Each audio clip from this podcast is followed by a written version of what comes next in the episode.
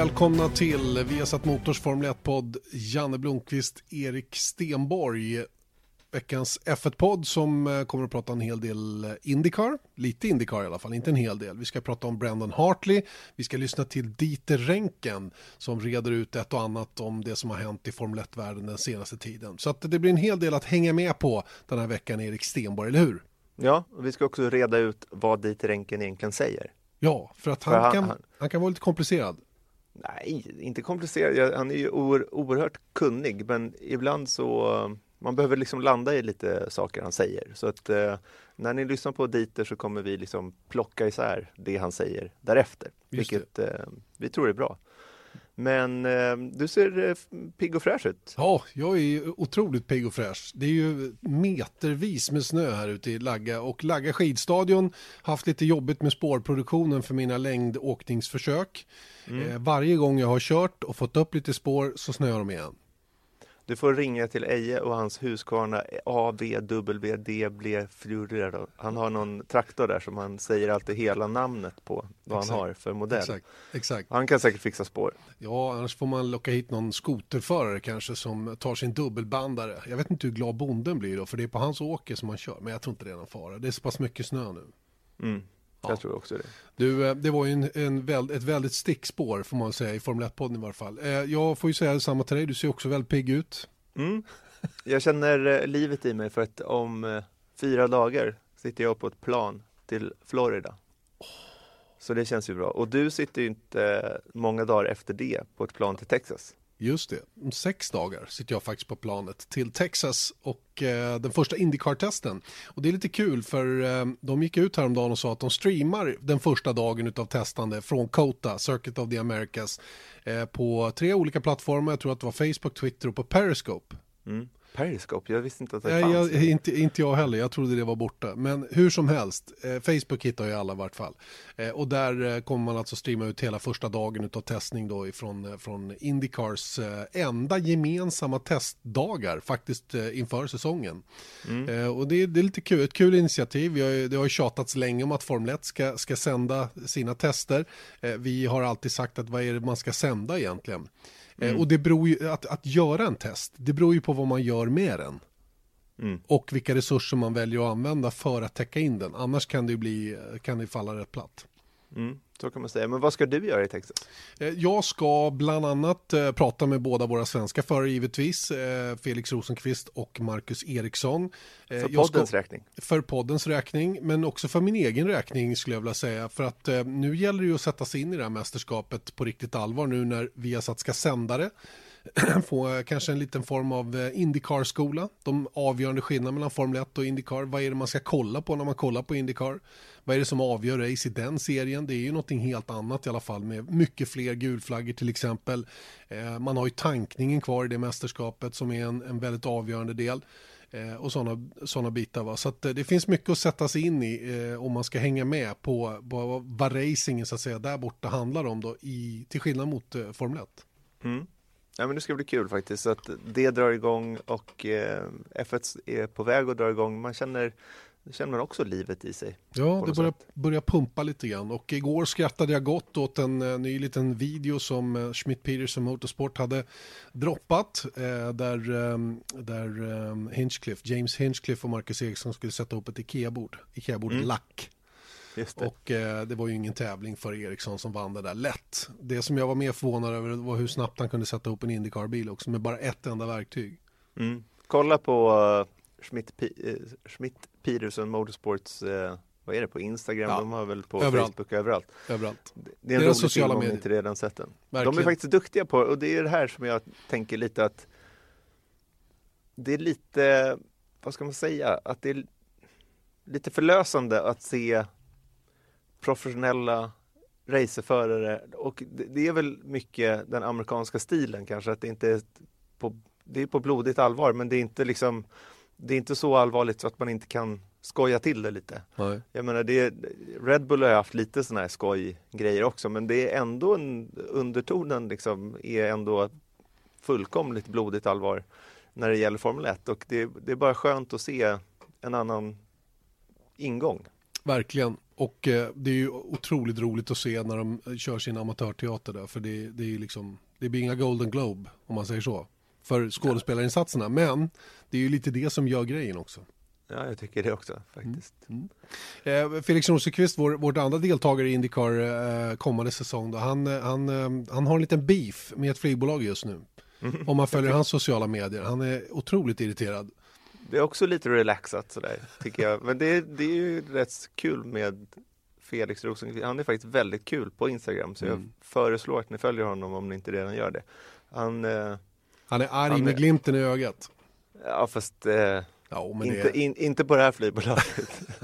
det värsta är att jag flyger i samma rutt som honom, tror jag. Mm. Eller ja, inte samma rutt kanske, men jo, det gör jag nog 17. Eh, jag ska flyga via Chicago och sen blir det då inrikes. Men jag kommer inte ihåg om det var United eller, eller American Airlines jag flög vidare med för att komma ner. Det kan jag i och för sig snabbt kolla. Eh, United. Mm. Mm. Men du, eh, det, det, det, viktiga här tycker jag ändå att eh, det här lite mindre slätstrukna i Indycar eller hos Felix Rosenqvist. För att jag tror att i Formel 1, där är alla varumärken i hela världen en potentiell sponsor så du vill inte gör, liksom, komma på kant med någon av dem. Men här är det fritt fram känns det som. Typ. Eller jag, jag, kan säga så här att jag tror inte att varken Felix eller United vill sponsra varandra framöver. nu sa jag flygbolaget, det ja, hade jag inte tänkt göra. Ja. Men det hade du redan gjort. Ja, ja, fast jag nämnde inte att det var det det handlade om. Mm. Men, vilket kommer, vi kommer prata ganska mycket politik den här veckan mm. i och med att vi pratar eh, med Dieter Renken. Och det som jag tycker är lite apropå det som vi precis talade om så har ju Stoffel van Doren också eh, gått ut i veckan och sagt att han känner mer glädje inom eh, ja, hela livet antar jag, men i karriärmässigt nu när han har flyttat till Formel E och liksom lämnat Formel 1. Vilket är lite spännande tycker jag. Att man förstår mer och mer vilken osannolik press det är inom Formel 1. Mm. Eh, och han, han menar på att det är ett större kamratskap eh, och, och hela den grejen. Och, och, jag tror att det faller sig naturligt lite grann i Formel E att det är på det viset. Det är på en annan nivå till att börja mm. med. Och eh, i princip så är ju förarna betalda av en och samma arbetsgivare. Visst, de gör, kör åt olika team och så vidare, va? men jag tror att det här är en det här är en paraplyorganisation på ett helt annat sätt än Formel 1 är och då, och då blir det mer avspänt, avslappnat, vilket en sån som van Dorn naturligtvis eh, kan, kan känna glädje utav och jag tror inte hans senaste år i Formel 1 här 2018 var speciellt roligt. Och det, och det leder in oss på, på Brandon Hartley tycker jag som, som skrev en blogg mm. eh, om sin tid i Formel 1. Eh, en väldigt fint skriven eh, text om, mm. om det. Eh, inga, inga direkta anklagelser mot någon, även om man var tydlig med att det var eh, krafter som mm. tidigt mm. ville bli av med honom. Mm. Ja, han eh, pratar om att redan i Monaco ja. så kommer de här frågorna. Och jag, och jag vet... menar, det här är race 5. Ja, Visst, och det, det sjuka är ju att de tar in honom med två race kvar att köra, tre race kvar att köra eh, säsongen innan. Och sen så skriver man då, om jag uppfattat det hela rätt, ett tvåårsavtal. Och då, de säger jag, det är ju Red Bull. Det är ju Red Bull mm. och Helmut Marko som gör det här. Eh, och så tar man in honom i Formel 1 och efter fyra race så finns det enligt Brennan Hartley själv då krafter som vill få bort honom. Mm. Men vad, vad, hur, jag får inte ihåg, vilka krafter är det? Det är ju nummer ett frågan. Nummer två är, hur ser Red Bull på det då? Som precis har skrivit ett tvåårsavtal med Brennan Hartley. Mm. Och så, och så eh, om, om vi också läser mellan raderna lite vad Hartley sa under säsongen så fick han kanske inte full support från teamet vilka det nu är. För han är ju väldigt noga med att säga att grabbarna i hans garage och alla de här, de har jobbat 200% för honom. Mm. Men någonstans så har han känt att han inte haft supporten riktigt. Och det fanns förmodligen en prestationsklausul som gjorde det ganska lätt för den som ville att peta bort honom om man inte uppnådde en viss typ av resultat. Och det här eh, känns ju som att det var det man använde sig av för att få bort Brendan Hartley ur Formel 1. Då. Men vi mm. behöver inte gå in på detaljer utan det var mera känslan i det här han beskrev. Mm hur, hur, tufft att komma in i Formel 1, vara med i Red Bull-familjen och ändå aldrig känna sig trygg. Va? Vi har ju pratat om det här tidigare eh, kring, kring Marcus när vi har pratat om det också. Att, och egentligen alla förarna som, som liksom försöker klamra sig fast i sporten, hur svårt det är att känna den här tryggheten som man behöver för att kunna prestera. Att mm. aldrig känna att man har full support, att man inte har supporten. Att mm. det hela tiden är någon med en kniv som är beredd att sticka i en. Konstigt, mycket konstig sport. Men jag tror att problemet är, alltså grundproblemet runt de frågorna är att det är så många intressenter i Formel 1. Om man tittar på bara storleken på teamen, storleken på jag menar Red Bull-organisationen som sådan. Jag menar, det är två team.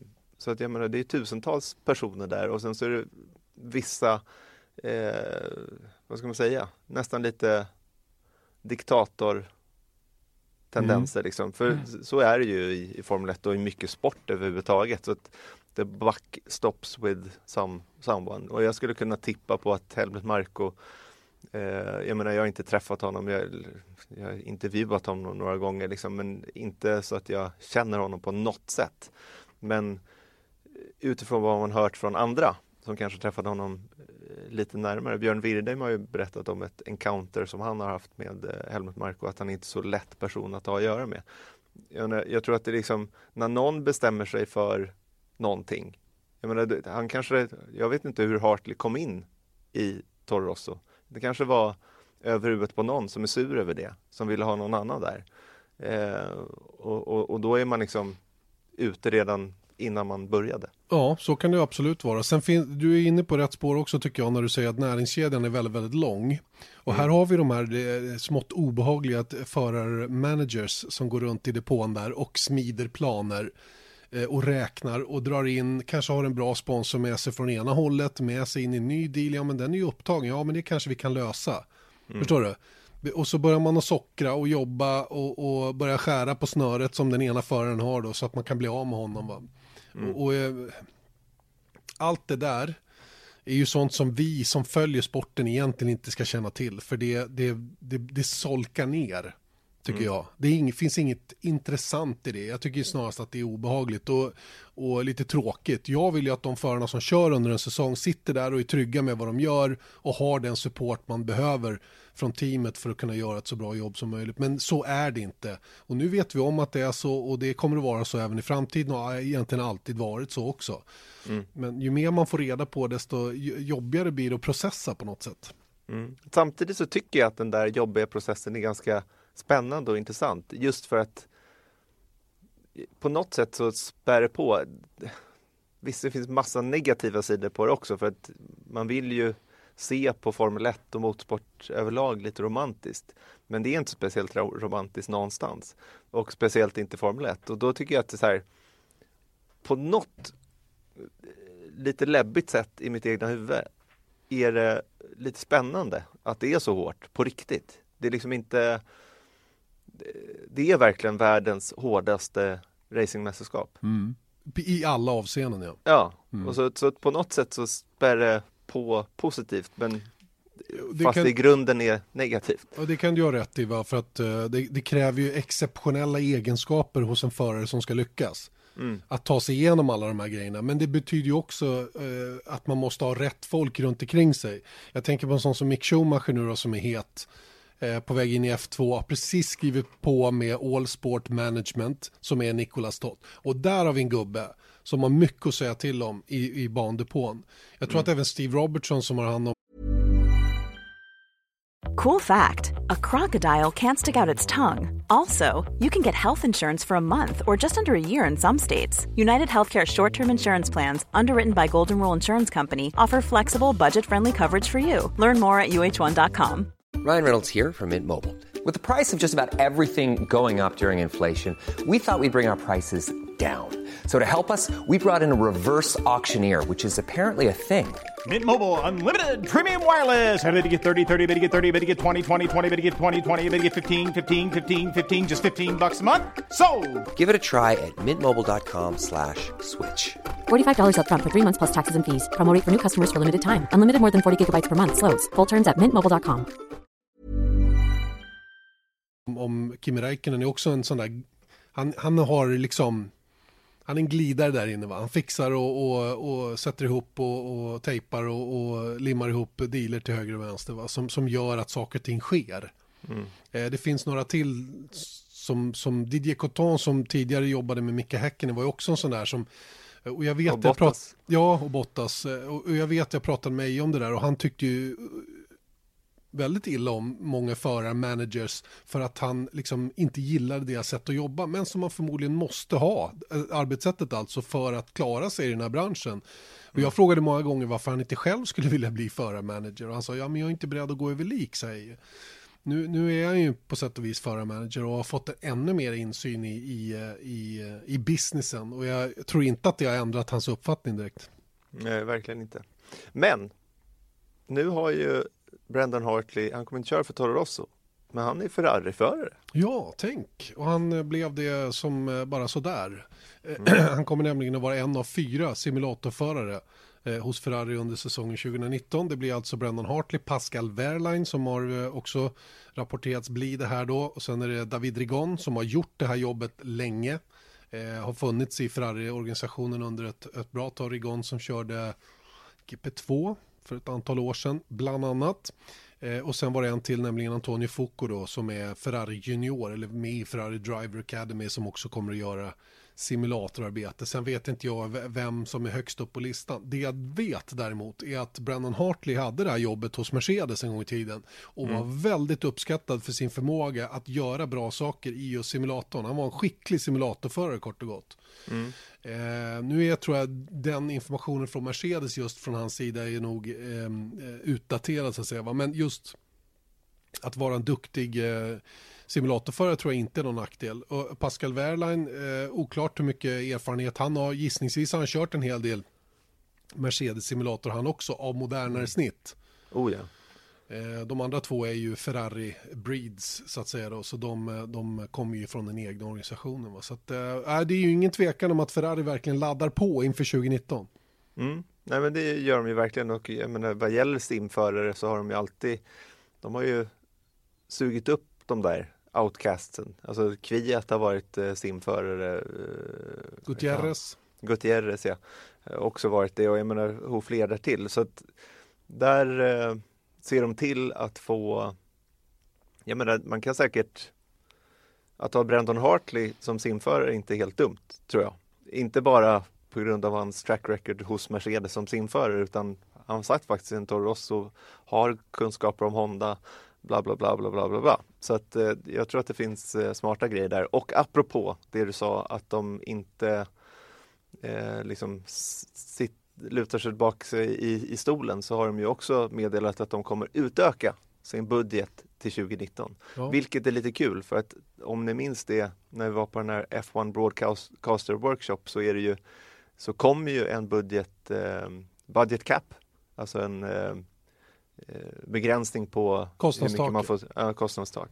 Um, och den är ju redan, man är ju liksom, de, de vill ju gärna att man ska börja tänka på den redan i år, 2019 alltså, för det här systemet då finns. Så de vill att, de ska, att man ska börja använda det redan nu. Det skiter ju Ferrari högaktningsfullt. Tills dess att de har vunnit VM. Precis, då kanske de kan tänka sig det. Exakt. Ja, mm. det, är, det, är, det är fenomenalt alltså att, att de går i rakt motsatt riktning då. Eh, I sin iver att vinna då. Och den här obligation to win, som Filipe Massa har uttryckt det, ligger Ferrari lite grann i fatet också. Han, han är inne på just det, att det här kravet på Ferrari att vinna, det, det håller på att strypa dem på något sätt. Va? Och det, det, jag vet inte hur de ska komma ur den där, att få en mer avslappnad eh, attityd till det de gör så att de mer klarsynt kan gå och mer målinriktat kan gå för, för segern på något sätt. Va? På, ett, på ett bättre sätt, som Mercedes gör på ett bättre sätt framförallt. Kanske under den nya ledningen nu då med Mattia Binotto då som tar över som, som teamchef då Galimieri och alla de här som, som, som driver Ferrari framåt nu har en lite mer mjukare attityd då än, än Arrivabene och Marchione har haft hittills. Mm. Vet du var Matteo Benotto kommer ifrån? Eh, nej. Han är från eh, eh,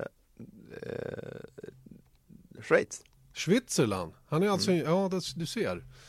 Det är lite kul med tanke på vad vi alldeles strax ska prata om. För nu ska vi komma till eh, nästa programpunkt, men eh, inte riktigt än. Vi har satt Motors Formel 1-podd alltså som eh, rullar vidare. Erik Stenborg och Janne Blomqvist eh, pratar Formel 1 och Indycar som ni har märkt. Eh, nu ska vi eh, ta in vår tredje medarbetare igen. Det var ett tag som vi hörde från Dieter Renken, Erik. Precis. Eh, våran eh, tredje man från Sydafrika boende i Belgien, bara så ni vet. Just det. Ehm, eh, först ut, vi kommer prata om en hel del ämnen här och det är lite vår tanke nu med eh, Dieter under året, att vi ska ge honom vissa ämnen och sen ska vi liksom försöka fördjupa oss i dem. Eh, idag, eftersom det är första på året, så har vi fem stycken. Det är ganska många. Men eh, först ut är då namnändringarna eh, på Sauber som eh, från och med 2019 kommer heta Alfa Romeo Racing och Force India som heter Racing Point. Eh, och då vill vi ge lite bakgrund här innan eh, vi sätter fart på det här. Vad gäller Sauber är det inga konstigheter. Eh, Alfa Romeo har helt enkelt betalt för att byta namnet från Sauber till Alfa Romeo Racing utan att Sauber har gått i konkurs eller liknande, vilket var precis det som Force India gjorde. Vilket i sin tur gjorde att Racing Point äntrade Formel 1 som ett nytt stall. Och alla stall i Formel 1 får ersättning efter eh, var de slutat i VM föregående år. Ett par år tillbaka, två av de tre senaste. Eh, Racing Point är ju på pappret i alla fall ett nytt stall och det är det här som gjorde att Haas klagade på att de ändå kommer att få ersättning baserat på föregående år, trots att de är ett nytt stall. För det fick inte Haas när de började i Formel 1 2016. Det är väl en bra bakgrund att ha med sig in i det här? Tycker eller? jag. Tycker jag. Vi låter, um, vi låter Dieter Renken reda ut resten om hur de här namnbytena gick till. So the first question is, Dieter, uh, first we had Force India change the team name and now Sauber. How does this process work? And um, uh, as, is it as easy as it uh, just simply switching from, from one name to another? Um, Jana, it's actually a very, very complex process if you, you wish to do it correctly. It's very easy to just enter under a different name. For example, and uh, here Force India stroke Racing Point is a classic example. They entered in November, end of November, as Racing Point. However, the chassis name is still Force India or was still Force India at that stage. Now, you can enter under whatever name you like. You could call the team Yana F1. The big question, though, is would Formula One management, effectively Liberty, the owners of Formula One's commercial rights, actually recognize Yana F1 if the team had been had historic value? And accordingly, the process is complicated uh, because one has to get full permission in order to retain the financial rights, the commercial rights associated with the, the historic name. So, in Force India's case, uh, they entered as Racing Point, but it was inevitable that they would actually have to apply at some stage to formally change the name of the chassis. And the chassis is the important thing um, uh, to uh, whatever new name. And as it turns out, they've decided on, on Racing Point. I find that interesting because all the way through they'd actually said that Racing Point was just a holding name until the new season when they would anno- announce a name change. Uh, obviously, they haven't found a better name. Possibly they were looking one with commercial connotations, uh, but obviously they haven't. And therefore, on the uh, 26th of January, the FIA uh, circulated a request for e vote on the name change of the chassis across to Racing Point. That was approved by uh, 22 votes out of 24, and therefore the team is now officially known as Racing Point, and so is the chassis. And therefore, they will continue to, to receive the financial benefits based on performance. In other words, the column one, column two monies, etc. You get uh, sort of curious who was opposed, who was uh, who was against it. Um, it's a it's a closed vote, so we don't know. Uh, what we do know, though, is that obviously there was this, this protest brought by uh, Haas against the team then known as Force Racing Point Force India in Abu Dhabi over the payment of, of monies which uh, Haas believed it wasn't entitled to and therefore sought to prove that the chassis actually hadn't been produced by uh, by Racing Point, that it had been produced by Force India. But we're now going to a different area. But um, my gut feel says that just possibly one of the two would be Haas in view of that particular uh, process that was triggered. Uh, the other one, I have absolutely no idea. I mean, one can speculate. One can say that um, that Lawrence Stroll uh, left Williams, uh, but I can't see the Williams team being being vindictive. Um, I can't see the commercial rights holder being against it. who knows? It, it, could be anybody who, for whatever reason, decided that they prefer the name Force India or Racing Point to, um, sorry, that they prefer the name Force India to Racing Point and said, don't change it. No idea. It's, as I say, it's a secret vote, so we wouldn't know. And uh, in terms of Sauber changing its name, uh, a bit more straightforward, I guess. Um, a lot more straightforward because obviously there wasn't all this baggage from the past in terms of you know Force India having gone into liquidation. There was also the unfortunate connotation with uh, Vijay Mallya. Um, whereas uh, Sauber effectively had a, a, respectable and reputable name. Yes, they've had a couple of lean seasons, but effectively the team has has had a good name in the past. And um, I would guess that this was a marketing consideration on the part of um, Fiat Chrysler Automobiles, the owners of Alfa Romeo, who decided they wished to return the um, the famous Serpent to the grid, and said to Sauber, "If we pay you an amount of money, are you prepared to change your team name?" And if the amount of money was such that uh, effectively couldn't refuse, when I say Sauber, the owners of Sauber, who of course um, it's a company called Islero Investments, um, that effectively they said yes, uh, for that amount of money we'll change our name. What it does mean, of course, is that it's very difficult to change a name again within two years. So I think that we're guaranteed of seeing Alfa Romeo running through to the end of 2020 when it's all changed for Formula One in any event. And at that stage, um, the owners of the Alfa Romeo brand, uh, FCA, will then decide whether to continue or not. So, the, the second question for you this week uh, we're about to go into the launch season. Um, has F1 considered a combined launch rather than the individual launches, uh, for instance, like the WRC is doing when they show all the cars at the same place? Uh, yes, I believe that it was considered. I mean, I've, I've been, been banging on about this, if you don't mind my saying so, for the last uh, five or six years, where I honestly believe that Formula One should look at one consolidated launch, possibly the weekend before the first test in Barcelona, for example, which makes it attractive for all the fans to go down there, have a look at the car, see the drivers, autograph sessions, whatever, have a big razzmatazz, and then on the Monday we go straight into uh, preseason testing. So those who have a couple of days leave can then, in fact, stay on for that. Um, it gets very, very complicated by certain media interests. Um, and here I'm told that, that some of the bigger outlets are totally opposed to this because they would prefer to stagger the launches so they have an awful lot of readers over a, a one week or two week period, as opposed to having everything sort of condensed into two or three days. The teams, equally for that reason, seem to be anti it because they believe that they can get better coverage if they have a launch on a Tuesday and another team on the Wednesday, another on the Thursday, uh, which may be true, but I still think that the, the, the sport would be better served by a single consolidated big launch festival held just before preseason testing. I think that would get massive, massive TV coverage. You know, I think that the broadcasters would, would willingly send a cameraman down or camera crew down there to cover, you know, the 10 launches and then do a 30, 40 minute uh, magazine type program after that. But um, it, it, looks as though, once again, there's vested interest on the part of some of the media outlets and, and some of the teams. The third thing we're going to talk about is Liberty Media has registered a trademark for the Philippine Grand Prix.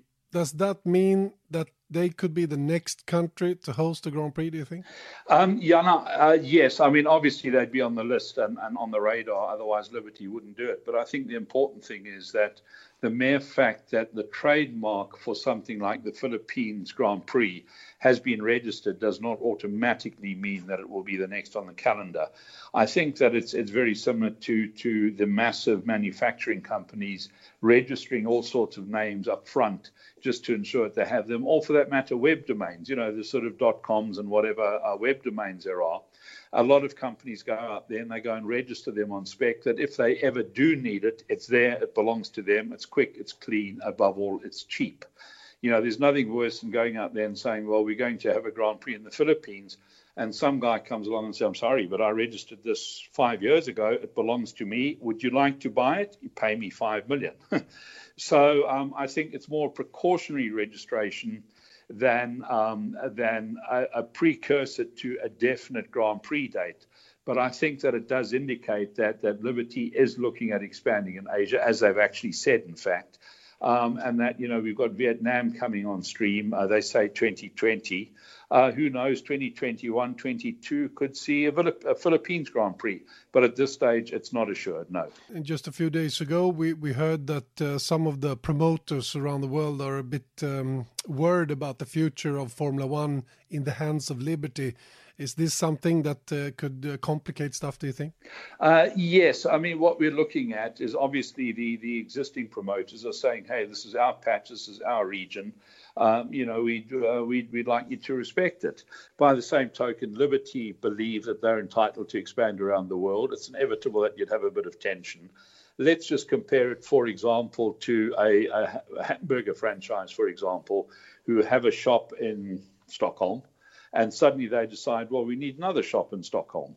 And of course, uh, they believe that they can double the sale of hamburgers, but the existing hamburger franchise holder, of course, would like to retain the monopoly. So I think it's inevitable that we'll have this. I think, though, that the main point is that um, it became public knowledge uh, that certainly preferable terms have been offered to Miami. One hears that even possibly a, um, a revenue sharing type contract. So, as opposed to the Grand Prix paying up front, Liberty and the promoter would carry the responsibility and then, then share whatever profits there may be. And of course, some promoters are, are, are upset they're saying, you know, you're, you're charging us 16, 20, 25 million for our race, uh, and if we make a loss, that's our problem. But when a newcomer comes along, uh, you, are willing to enter into this sort of arrangement. So I think this is also one of the um, the flashpoints. Uh, another flashpoint, I would guess, is the fact that uh, when one looks at the the territories that they're going into, we have, uh, for example, we have Miami is, is one of them. And um, you know, the the US Grand Prix promoter is saying, well, you know, I've got the US Grand Prix here. Um, you know, and I've invested an awful lot of money in this. Um, please look after me. And I think if we look at an additional element, um, last week I was told by by somebody from Liberty Media that they're looking at four fan festivals this year and one of them is Chicago, but it's held at the weekend of the Canadian Grand Prix. Another one is LA, which is held at the, the weekend of the um, the US Grand Prix. And fundamentally, um, you know, one could understand these promoters saying, "Hey, if you're going to spend all this money um, promoting a, a, fan festival during my Grand Prix weekend, why can't you do it in my city the way that, for example, they are with Shanghai? It will be the weekend of the um, the Chinese Grand Prix. In Shanghai, the circuit is 50 kilometers up the road, whereas Chicago, of course, is a long way from Montreal, and LA is also a long way from, from Texas. So, the fourth topic we are going to, to bring up today is Has any progress been made on the 2021 regulation and agreements since Abu Dhabi? Um, the short answer is that yes, some progress has been made. I would guess not as much as people would have liked to have made. Uh, but I, uh, it's it's a very complex area, and I think we need to look at it from from three different perspectives. The first one is we have the technical regulations. They say these will change for 2021. They say for better racing. They say for cheaper racing, and they say um, in order to encourage the um, the existing independent teams to be able to to uh, compete better, but also to try and attract some incoming teams. Then, of course, we have the sporting regulations, which are aimed at the show, so to speak. And here we're talking the weekend format. We're talking uh, things like the point structure. We're talking some of the um, the restrictions on manpower, on on dynamometer usage, on wind tunnel usage. Although these are seen to be technical areas, it's actually a sporting regulation that restricts their use. And then the final one is commercial.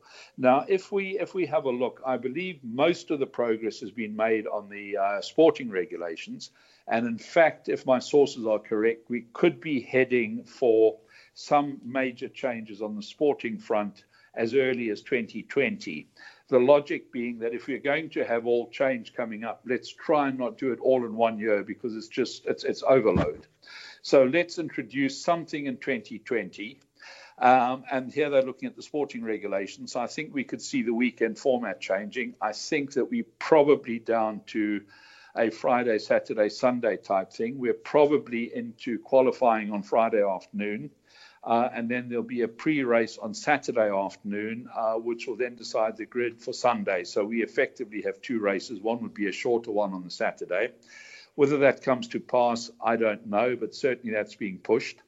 They're talking about uh, restrictions, additional restrictions on wind tunnel usage to reduce cost, and also on uh, simulations and uh, dynamometer uh, work, so that you know the engine suppliers can't just go and stick on on an engine and run it day in day out every day, three six five, uh, in order to try and save costs and also the point structure, where they're saying there that you know in the last couple of years the championship's been won uh, before the end of the year, and they're saying, yeah, let's look at the point structure to try and keep the uh, to keep interest in the championship going all the way to the very very end, basically the drop of the flag in the last race. I think here they're looking at paying uh, championship points down to about 15th place. Uh, but these are basically the headline headline items. It could be some others. They could revolve around tire usage, whatever. Um, but I think that we'll see that in 2020, some of it. All right. So uh, for 2021, then they'd be looking at the uh, the technical regulations, and here I believe that the uh, the plan, which is effectively Liberty in conjunction with the FIA, working very very closely together is uh, looking at the various categories of parts that make up a race car, a Formula One race car. Um, and at the moment, you have listed parts and you have the other parts. The listed parts are those to which a team has to own the intellectual property. The other parts are parts that they either make themselves, they can buy them out, they can buy them from another team like Haas do from Ferrari or Force India do from Mercedes, etc. Uh, but of course, these parts uh, actually mean that we've started to move into an A team, B team situation where Haas was viewed as a B team to Ferrari, for example. And of course, this is unhealthy from a political and a, and a sporting perspective.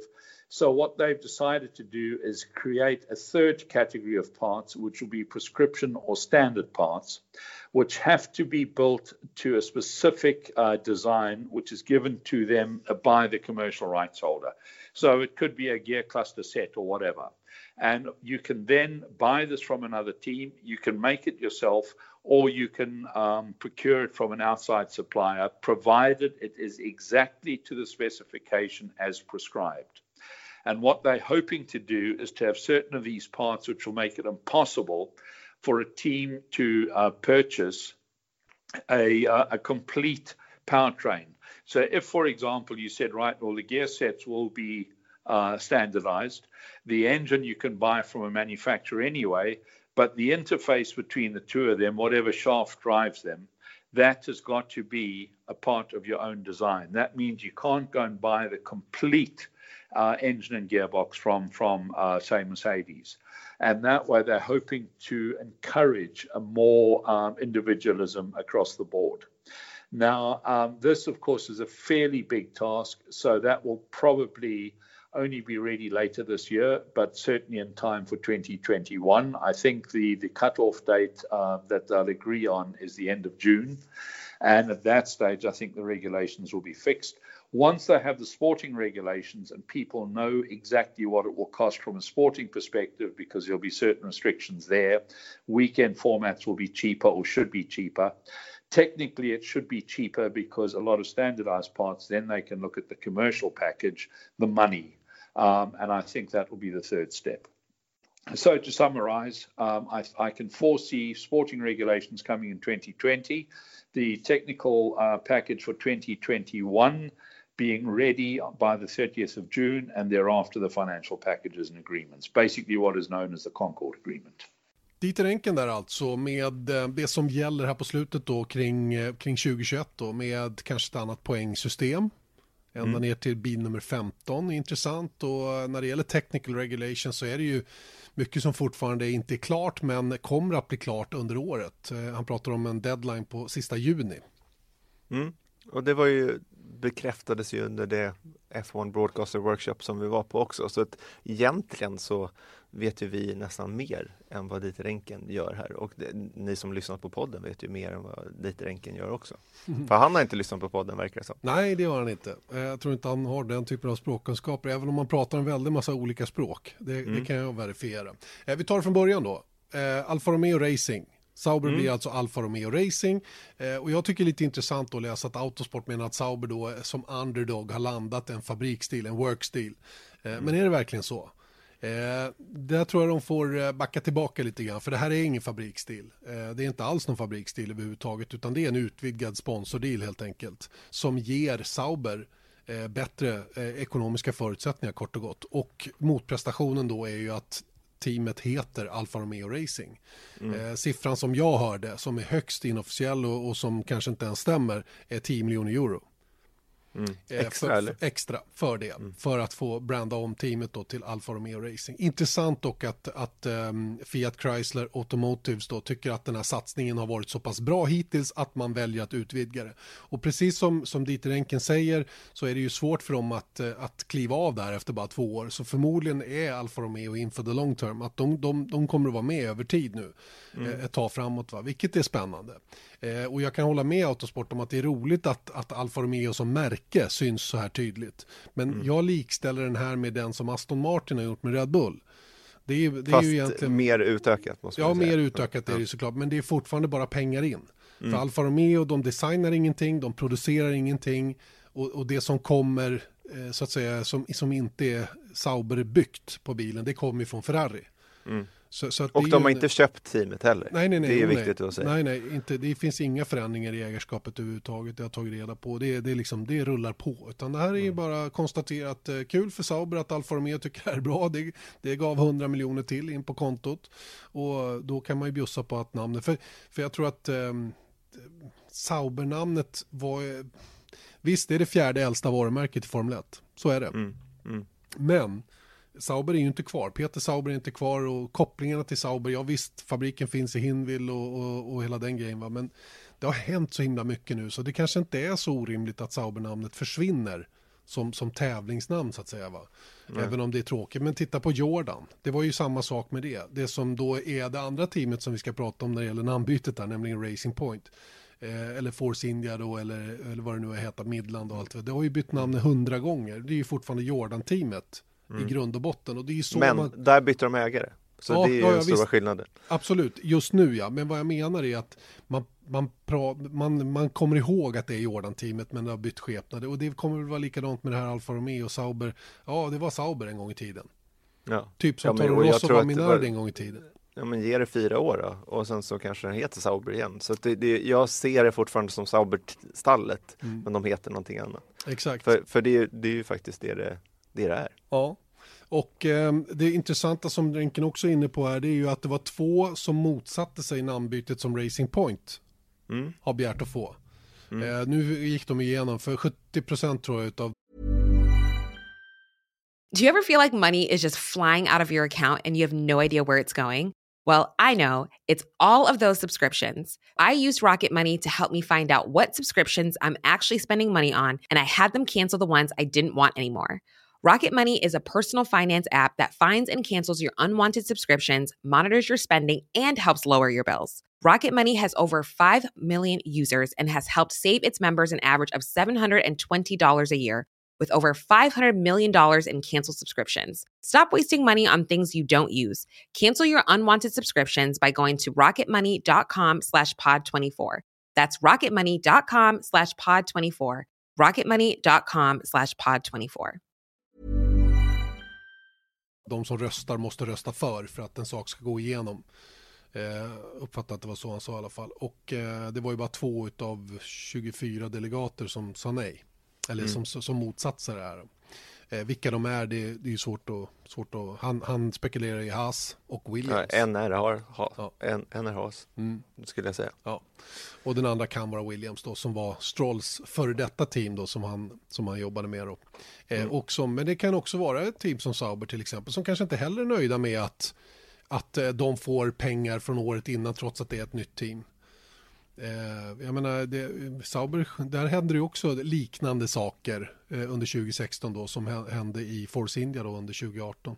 Mm. Och där var det inte heller någon, där fick man inte heller några pengar på det viset då.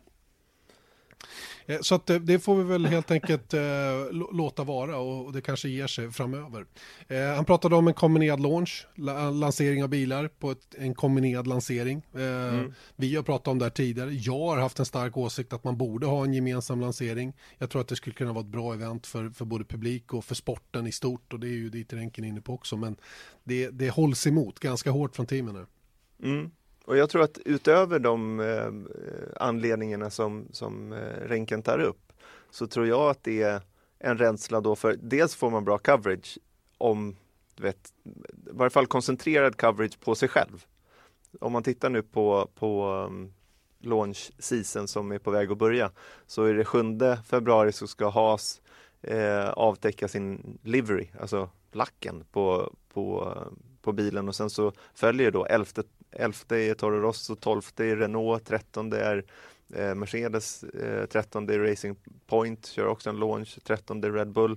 Så att det, det är väldigt mycket jag menar, koncentrerad coverage, men däremot så, så tror jag att jag, jag, tror i alla fall, det kanske är felaktigt att se det på det sättet, men jag tror att ett team som, som Haas är skraja för att eh, launcha sin bil samtidigt som Mercedes gör det.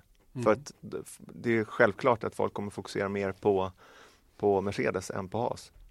Eh, vad jag tror är anledningen till att man stretar emot det är ju fortfarande av logistikskäl. Eh, idag är ju allting så tajt eh, in på att bilen ska rullas ut att de, de uppvisningar av bilar som görs eh, några dagar innan bilarna kör ut i, i, Barcelona är ju ofta renderingar, det är digitala bilder, man visar upp utseendet på bilen, overaller, bilder på förare, lite kommentarer. Den typen av, det är ju inte som förr i tiden när man ställde upp eh, på en stor scen och hade ett rockband som spelade och hela den grejen, utan det, det var ju väldigt eh, ja, väldigt påkostade grejer jämfört med idag. Eh, och eh, jag tror att ta Sauber då som, som har en rollout i, mm. i, i depån på, på måndag morgon där när testerna drar igång eller tisdag morgon när nu. Eh, jag tror att det är, det är mer det som man kommer att se och det är det jag menar, det borde kunna funka om man gjorde det typ dagen innan. Dagen ja, innan testerna det... drog igång så bara rullade alla ut sina bilar i depågatan och så gjorde man en, en öppnade man depån helt enkelt. Gör det i Barcelona, ja, in i ja, Barcelona. Ja, men det, ja, det skulle man också kunna göra. Va? Men då blir det ju helt plötsligt mer komplicerat om det är så att man behöver jobba på bilarna ända in i det sista. Det man också skulle kunna göra det är ju att använda sig av mockups. Det, är ju, ja. det tror jag de ganska lätt skulle kunna fixa en bil som till utseendet ser ut ungefär som den man ska tävla med. Eh, för, för det är ju inte så att vi kan titta på en, en lanseringsbil och säga att ah, den här kommer att starta i Australien. För, det, för så är det inte. Nej, den, den bilen eh, framförallt 7 februari där när Haas om, om ett par dagar nu mm. rullar, det är ju inte deras. Nej, det, nej. Det, det, är ju, och det är samma sak med Toro Rosso, man gör inte det en vecka innan. Nej. Men hur som helst, det jag menar bara att det är väl fan bara att bestämma det. Exakt. För, då, då har du en annan deadline bara. Så att okej, okay, testerna börjar den 18 februari, men bilen ska befinna sig i Barcelona på lördag kväll den 16. Det är inget, hur, hur, hur, svårt kan det vara? Tar du det med dem? Ja, säkert jättesvårt med tanke på att det är Formel 1. Men det är ju bara, jag menar, kan man påvisa fördelarna mm. så... Men det här är roligt det du säger, för att det är precis så jag ser på det. Mm. Det, det är ju bara en dag. Det är en mm. dag tidigare, en dag senare eller vad det nu är alla jobbar mot en deadline och man jobbar så länge som man bara kan mot den här förbaskade deadlinen. Ha deadlinen två dagar tidigare så skulle man fortfarande vara på vippen och hinna klart. Mm. Men om det betyder att bilen ska vara klar för att visa upp på, säg söndagen då och testerna börjar på måndagen mm. så skulle de ju fixa det. Men vad ja. jag är helt, helt frapperad över det är att man har så tajta marginaler. Mm. Jag menar, det, det, kan inte skilja på 12 eller 24 timmar. Ja? För att sätta upp en Formel 1-bil som man har haft flera månader på sig att, att liksom få i ordning.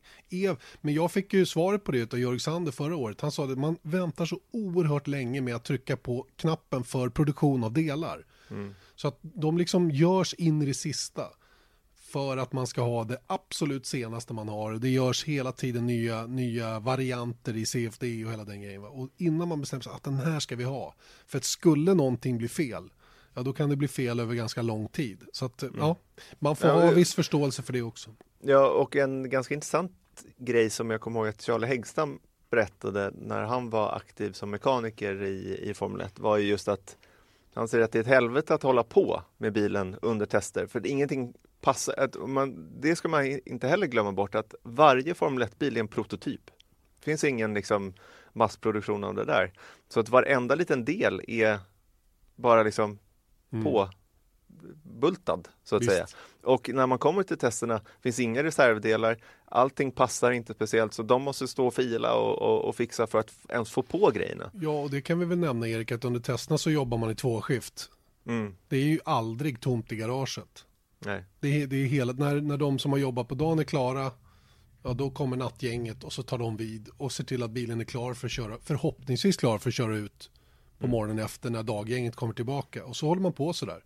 Och första veckan så jobbar daggänget dag och andra veckan jobbar de natt och vice versa. Så, så liksom, det är, det, är en, det är den tuffaste perioden på hela säsongen. Och det kan ju vara en av förklaringarna till att det kanske bara är åtta testdagar också.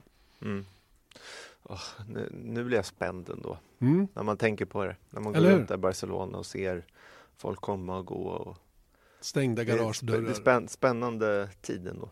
Mm, Det är tur man är lång när man är på testerna där så man kan se över de här. Vissa Det är team, tur att de... du är lång. Ja, eller hur? Ja, inte Ja. man, jag. Exakt. Ehm, det håller jag med om. Nej, det är, lite, det, är, det är en väldigt speciell känsla, det är det. Helt klart. Hur som helst, testerna drar igång i slutet på februari här, så då får vi se hur, eh, hur det kommer att se ut. Mm. Ehm, tredje punkten som vi pratade med Dieter Enken om var ju det här att Liberty Media hade, hade trademarket eh, The Philippine Grand Prix. Eh, och frågan var ju då om det blir ett Philippines Grand Prix. Och eh, det var väl inte helt säkert att det blir så, men eh, det, är väl, det antyder väl att diskussioner pågår, eller vad säger du?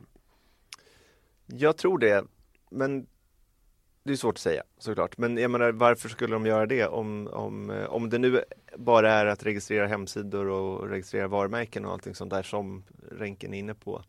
Eh, det, det är väl fullkomligt onödigt att göra det om man inte pratar med dem. Typ. Det är väl ungefär så han ser på det också. Och det är bättre att ha det än att behöva köpa det för fem miljoner namnet av någon som har varit smart nog och tecknat innan då. Som kanske har luskat ut att diskussioner pågår. För sånt händer ju titt som tätt skulle jag kunna tänka mig i alla fall. Eh, Ett Grand Prix i Filippinerna, ytterligare ett i Asien. Det är ju uppenbart att det är en marknad som man är väldigt, väldigt sugen på att expandera i. Eh, Det är ju den och eh, USA-marknaden som man vill som, som man vill försöka penetrera ännu mer då verkar det som ifrån Liberty Medias sida. Europa är liksom känns mättat på något sätt. Mm. Uppenbarligen, men speciellt när de ska göra upp på 25 då Ja. så, så kanske det är ologiskt att om man då förutsätter att vi behåller allting i Europa men då måste vi ut vidare i världen. Visst. Jag tycker det vore coolt om de körde i eh, Filippinerna för då skulle de kunna använda The Thrilla in Manila. The Thrilla in Manila, just det. Det Körde var väl Muhammad Ali va? mot Joe Frazier. Joe Frazier. 70-talet någon gång. Just det, just det. Ja, det var cool. Det var cool. Mm. Varför inte? Det låter väl som en alldeles utmärkt slogan att Mm. använda om man kör ett, ett race där då. Eh, Då kommer vi in på fjärde punkten då som handlar lite grann om, om vad som har hänt då sen Abu Dhabi när det gäller kommande reglemente 2021, uppgörelse, Concordavtal, alla de här grejerna då som, som eh, hänger på gärdsgården fortfarande. Va? Och det här är ju ett eh, nyckelår nu, 2019, för att få ordning på alltihopa det här. Eh, technical regulations måste vara klart här eh, någonstans mitt, mitt på 2019. Eh, sista juni tyckte jag han sa var deadline för det. Eh, det pratas nya upplägg på helgerna. Eh, det sportsliga reglementet lät ju som att man eh, kommer att sparka igång redan till 2020 då. Eh, och Ja. sen så tittar man lite grann på the technical regulations för, för 2021 då, där en stora förändring på bilar då kommer att, ehm, kommer att eh, ehm, ja, offentliggöras under året i år då, så, så som bilarna kommer att se ut. Och där fick ju vi en liten sneak peek också under den här workshopen då i, i London som vi var på, Broadcaster Workshop, eh, på hur, hur en sån som Ross Braun då, som är ansvarig för just den biten då, ser på framtidens Formel 1-bilar. Mm. De ser bra ut kan vi väl avslöja. Ja, that's it. That's it. Nej, men, men jag tycker det här upplägget på helgen och det tycker jag är lite spännande för det, det har han antagligen rätt i, i varje fall om man tänker på det logiskt sett, vilket inte Formel 1 är alltid. Men just det där att ett helt nytt tekniskt reglemente 2021 och ett helt nytt sportsligt upplägg 2021, det kanske blir overwhelming eller för mycket på en gång. Eh, Så jag tycker eh, det ska bli väldigt ins- intressant att följa under, under det här året och se vilka förslag som kommer ut. Om det blir kval på, på fredagen och sen så ett eh, Pre-race. eh, pre-race på lördagen och, och, det, och sånt. cool. Det, det vore ju cool ju. Ja? Vore inte Alltså, det? jag är faktiskt också så här, så länge de inte hittar på liksom något fundamentalt så, som förändrar hela sporten, då tycker jag eh, att Det de inte, rätt får, kul det de inte får talla på, det är Grand Prix. Det Ja. ska vara ett Grand Prix. På eh, tre- tre- 300 kilometer. Det får Mm. de aldrig talla på. Hur de sen eh, formerar griden, det kan man alltid jobba med. På ett eller annat sätt. Ett, ett förkval, ett kval till ett pre-race och ett huvudrace, fine. Men Mm. Grand Prix, don't touch. Mm. Men också då att om de skulle göra ett pre-race till exempel. Vi vet ju inte vad det här skulle vara, men att det är liksom massa konstiga eh, spurtpriser och eh, liksom eh, lite regn plötsligt och du vet, Mm, nej, nej, när, när, när det blir, de får inte hålla på liksom, don't push it too far, Nej. är mitt råd. Jag håller med. Jag håller med. jag, jag tycker precis som du. Det finns vissa saker som man inte får röra helt enkelt. Eller får göra, kort och gott. Mm. Eh, ja, det var väl ehm, i stort sett det hela från dit ränken då som vi har försökt plocka ner någorlunda bit för bit. Han är ju intressant att höra på och eh, han är ju en engagerad person, verkligen va. Och det kommer mer ifrån dit ränken under säsongerna, vilket vi eh, ser fram emot att eh, höra givetvis då när det gäller det kanske lite djupare i Formel 1. Mm.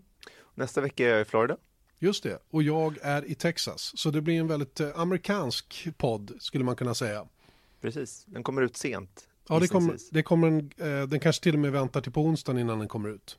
Vi får se, men vi kanske Ja. spelar in den på måndag, eller när åker du? Jag åker på måndagen så att jag är eh, on the move där på måndagen från Mm. tidig förmiddag. Så att jag, om vi ska gissa så blir den, eh, så blir den inspelad under, under tisdagen och eh, förhoppningsvis ute sent tisdag men annars tidigt onsdag.